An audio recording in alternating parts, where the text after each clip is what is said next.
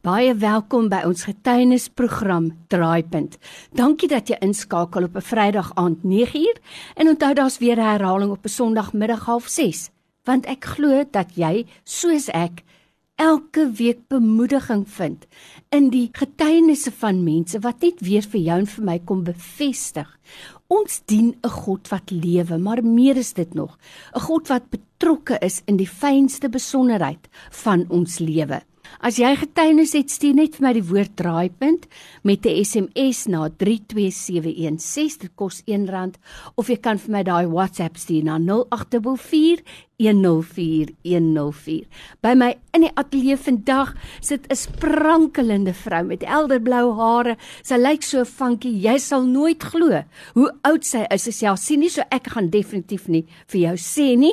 Dis Corlia Du Plessis wat by my in die ateljee is en ek wil vir jou sê Corlia, ek glo ook dat die vreugde van die Here en die vrede van die Here laat 'n mens ontspan en dit laat jou regtig goed lyk. So baie welkom. Baie dankie Lorraine. Nou hierdie vrede wat ek nou sien en die blymoedigheid. Dit was nie altyd daar nie. Want jy weet ons besef nie altyd nie. Ek het altyd as 'n onderwyser gesê, as ek na die kinders kyk in die klas voor my, het ek myself altyd daaraan herinner. Jy kan nie aan die buitekant sien uit watter omstandighede 'n kind kom nie. Dalk 'n rustige omgewing, dalk 'n baie onstuimige omgewing. So vertel vir ons as ek nou na jou moes kyk as 'n dogtertjie van 5, 6 en 7, hoe sou jou agtergrond gelyk? Ek het definitief in 'n on onstuimige huis groot geword. Ons moes baie keer uit die huis uit vlug want my pa was 'n um, gewelddadige alkoholist gewees. Oh. Ek dink dit is iets wat baie algemeen is. Ek weet nie van die geweld so noodwendig nie, maar definitief van alkoholisme. Want ek was baie van my vriende se huise gewees waar hulle paas ook te veel gedrink het. Maar in ons huis is ons mishandel basies. En toe ek 17 is, het my pa probeer om my te verkrag. Nou Corlia, ek wil net vir 'n oombliekie hier stil staan. Want dit is vir my 'n baie tekenende punt in jou lewe. Ek het die verhaal Absoluut, gelees. Ja.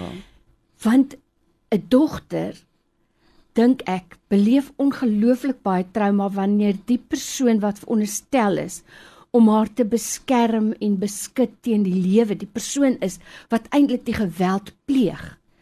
Wat het gebeur en watse trauma het jy beleef? Ehm um, ja, ek ek het net daarna baie meer rebels geword en ek het net promiskuus geword. Dit het my jare gevat om vir myself uit te pleis hoekom ek dit gevoel het. Maar die feit is alhoewel die daad nie gepleeg is nie, was dit in my emosionele netwerk asof dit gebeur het. Ehm um, so ek het vir baie berading gegaan na die tyd en dit het baie werk gekos om daardeur te werk en ek weet daar's baie mense in hierdie wêreld wat nog rondloop met daai seer. Mm en met wie erger goed gebeur het as wat met my gebeur het. Cordia, daar's iets wat ek nou vir jou wil vra en dit is vir my regtig 'n baie belangrike punt wat jy nou maak. Daar is mense en selfs ek wil amper sê mense in posisies wat jou vertroue moet koester wat vir jou sal sê man maar kan dit so erg wees? Dit het nie eers regtig ja. gebeur nie. Dit was net op die punt om te gebeur. En ek wil asseblief hê jy moet daai ding aanspreek want daar's baie mense vandag wat sit met seer kry wat hulle maar weggesteek het omdat hulle geweet het mense is sinies daaroor.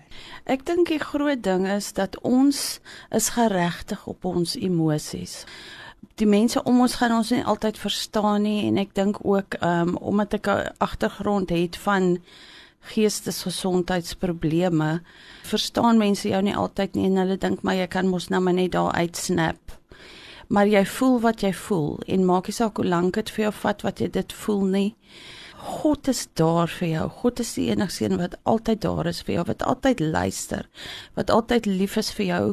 Ja, ek weet my ma is ook altyd lief vir my, maar die ding is God se liefde is perfek. Dit is die verskil tussen die twee.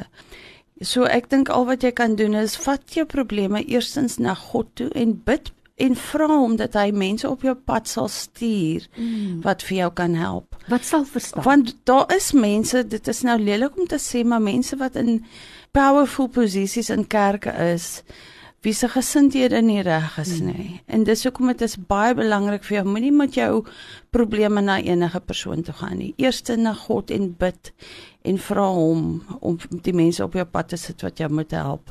Nou by my in die ateljee vandag is Corria Du Plessis. En ons gesels met haar oor haar pad na genesing.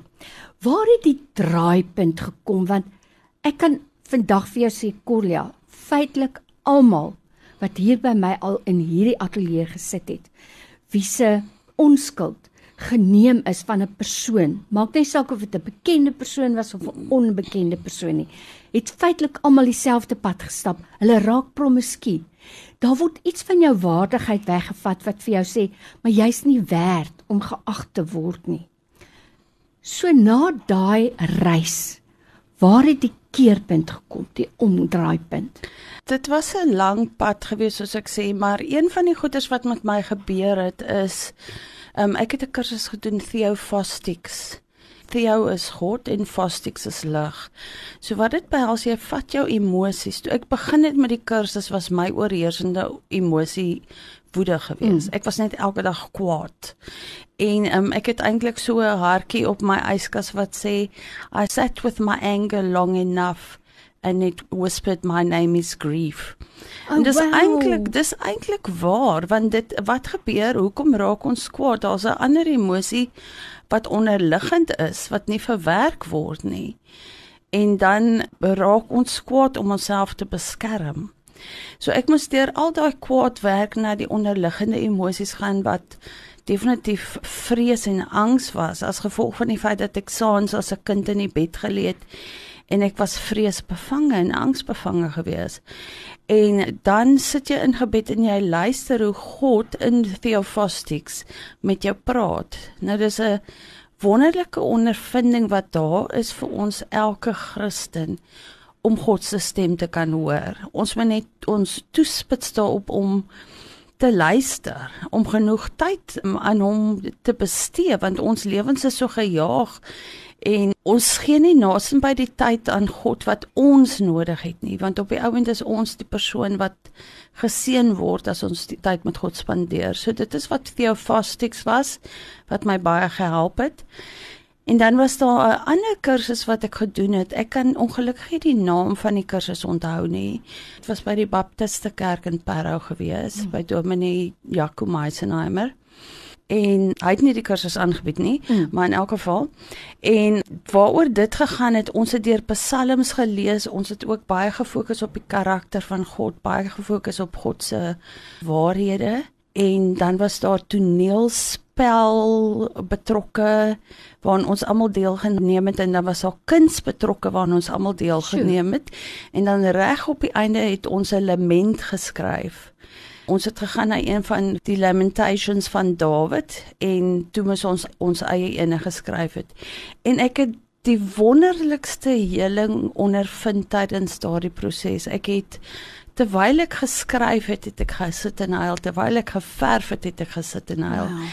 En toe ek daar uitstap, kon ek agterkom daar definitief iets gebeur. Nou weet Corlia, as ek so tussen die lyne lees wat jy sê, dan onderstreep dit vir my eintlik presies wat Gary Kieswetter nou die dag gesê het. Woede is maar 'n sekondêre yes. reaksie. Aan die basis daarvan lê daar dalk pyn, ja, verwerping, seer kry, angs, presies wat jy nou gesê hmm. het. Hmm. En dan die tweede ding wat vir my baie belangrik is, jy weet wanneer ons na God toe gaan, partykeer is dit sommer so laaste gedagte voordat ons aan die slaap raak, kom ons gaan met 'n inkopieslys. Geef my dit dit dit dit, dit behoed en bewaar en beskerm my bla bla bla bla bla. Maar ons maak nooit tyd om net stil te wees en te sê God praat met my. Hmm en wys u vaderhart vir my. En as dit dan beteken dat ek psalms moet lees om te ontdek wie God regtig is, dan moet dit so wees. Maar ons moet tyd maak om stil stil te word, nie waar nie? Ja. Ten slotte wil ek vir jou vra Corria, as jy nou iemand is wat na ons luister, wat 'n baie slegte kinderlewe gehad het, wat hulle nog nooit gekonfronteer het nie, of dalk selfs 'n slegte ondervinding, miskien as kind vir baie lank tye net sommer alleen gelaat was, verwaarloos was, dalk verhonger, dalk misbruik. dalk fisies aangerand is, maar wat nog nooit daai verlede gaan konfronteer het nie. Is dit belangrik en as dit so belangrik is, hoe doen 'n mens dit? Ja, ek dink nou net aan die feit dat Satan is die god van die donker. Hy hou van donkerte. Mm. Hy hou daarvan dat daar verkeerde goed gebeur en hy hou nog meer daarvan dat as daar 'n verkeerde ding met jou gebeur dat jy dit in die donker hou. Mm. So bring dit in die lig want God is lig. En praat met iemand daaroor, skryf daaroor. Dit skryf is verskriklik helend. Ja, soos ek gesê het, praat met God. Jy kan nooit genoeg bid nie. Hy is die liefste vir jou van van enige iemand. En leer die die genesing van die Heilige Gees ken. Bid dat die Heilige Gees in jou inkom en jou genees. Ek dink die groot ding is definitief om boeke te lees miskien wat jou kan help om te gaan vir berading. Mm. Maar uh, maak seker dat God vir jou die regte persoon op jou pad stuur en vir jou die wysheid gee sodat as daar iets gebeur wat nie volgens sy wil is nie, dat jy dit dadelik sal raak sien. Ja, en jy weet daai onderskeidingsvermoë waarvan jy nou praat, Jakobus sê in Jakobus hoofstuk 1, as enige een wysheid kortkom, moet hulle eenvoudig van God vra, want by hom is geen aannemer van persoon nie. Mm. So as jy vir God vra, sal hy vir jou openbaar die regte kursus of die regte mense en soos jy nou ook tereg sê, as daar iets is wat nie reg is nie, sal die Heilige Gees dit glo ek vir jou uitwys. Ja. Corlia ten slotte net ek vra dit maar altyd as mense jou dalk wil nooi as 'n gasspreker of dalk vir jou 'n boodskap wil laat. As jy bereid is om dit te doen, sal jy vir ons kontak besonderhede ja, gee. Ja, enige tyd. My selnommer is 084 460 8664 084 460 8664 Baie dankie vir jou tyd vandag Corlia. Mag die Here jou seën en ek sal graag wil sien dat jy so oor 'n jaar of wat hier kom sit met jou boek wat jy geskryf het. Want daar's so baie wat ek geniet het toe ek gelees het wat jy geskryf het wat ek voel ander mense ook sal geniet.